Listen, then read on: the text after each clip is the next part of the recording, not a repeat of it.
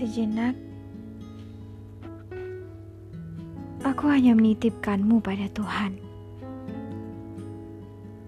Namun, kau pergi dengan lain pilihan. Tidak mengapa, aku maafkan dan aku ikhlaskan. Semoga Tuhan selalu memberi keberkahan pada bahtera yang kini kalian jalankan.